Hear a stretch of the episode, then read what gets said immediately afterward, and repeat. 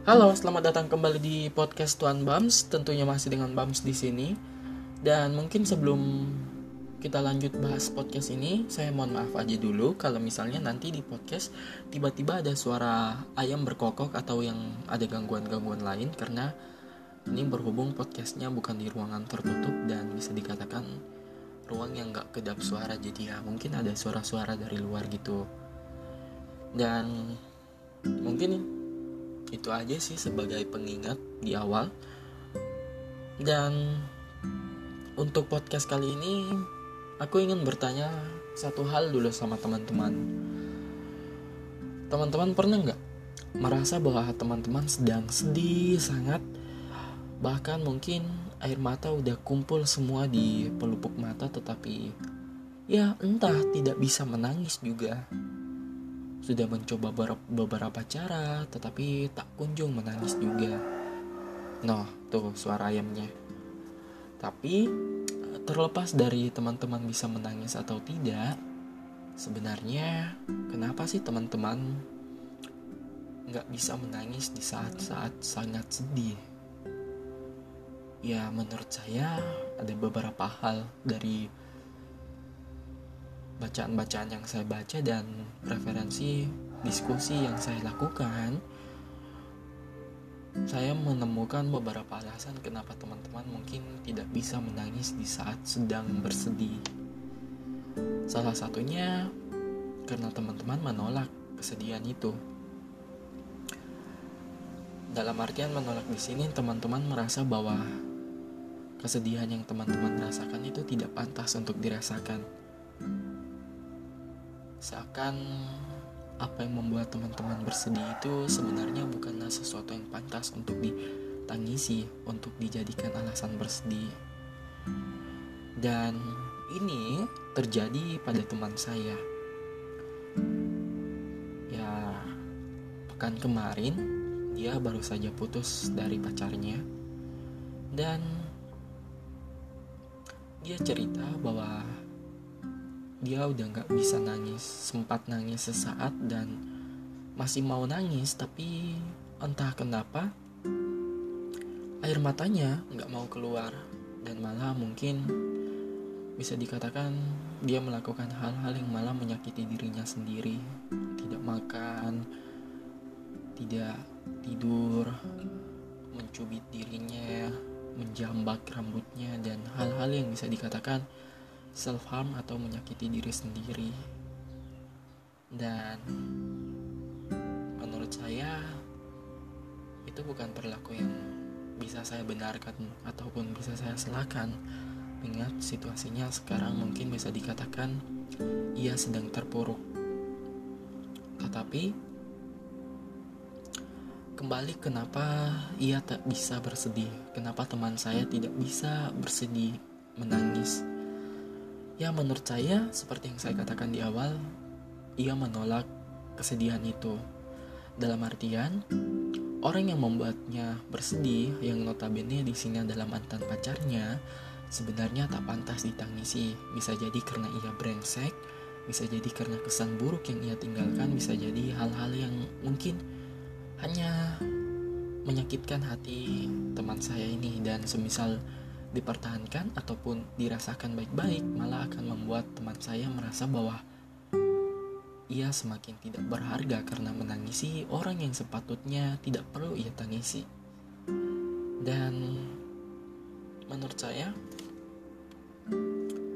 hal semacam ini wajar terjadi karena ketika kita menjalin cinta tentunya kita merasa kepemilikan dan ketika hubungan itu berakhir hubungan itu putus ya kepemilikan itu tidak ada lagi.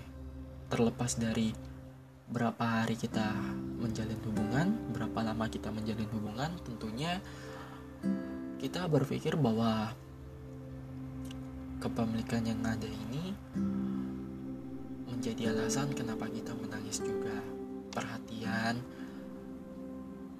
spam chat ataupun sejenisnya yang biasa terjadi tiba-tiba berakhir begitu saja.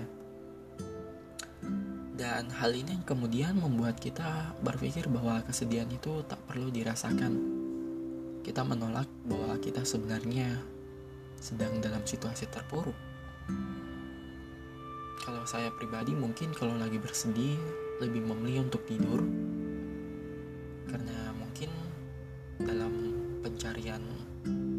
atau dalam proses tidur tersebut saya menangis atau meracau tidak jelas untuk menyalurkan emosi yang terpendam. Dan bahkan mungkin podcast ini sendiri bisa dikatakan sebagai media saya untuk menyalurkan emosi yang terpendam. Ya emosi yang saya maksud bisa jadi kesedihan juga. Tetapi apa yang dialami teman saya ini saya rasa merupakan hal yang memang bisa dikatakan lumayan rumit dikarenakan kita tak bisa menangis di saat kita mungkin butuh tangis. Dan itu yang membuat kita melakukan self harm atau menyakiti diri sendiri karena kita tak mampu mengeluarkan emosi kita yang berupa yang berupa rasa ingin menangis ataupun tangisan. Ya aku mengatakan ini bukan berarti aku sepenuhnya benar tetapi menurutku ketika kita mengalami kehilangan mengakhiri hubungan tentunya kita akan merasakan hal-hal demikian. Dan menangis atau tidak itu terkendala atau tergantung kepada apa yang membuat kita menangis seperti halnya patah hati menangis atau hubungan berakhir itu bisa dikatakan dipengaruhi oleh beberapa hal seperti rasa kepemilikan yang sudah saya katakan tadi, lamanya menjalin hubungan, dan hal-hal yang mempengaruhi di dalamnya. Rasa bersedih ataupun rasa kehilangan itu mungkin akan sedikit berkurang sensasinya apabila kita tidak terlalu merasakan kehilangan atau bisa dikatakan udah ada tanda-tanda bahwa hubungan yang kita jalin akan berakhir.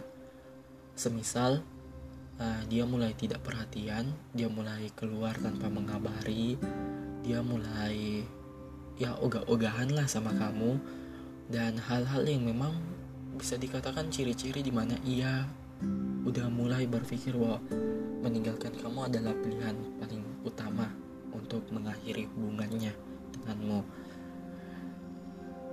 Ya, yang berawal pasti akan berakhir.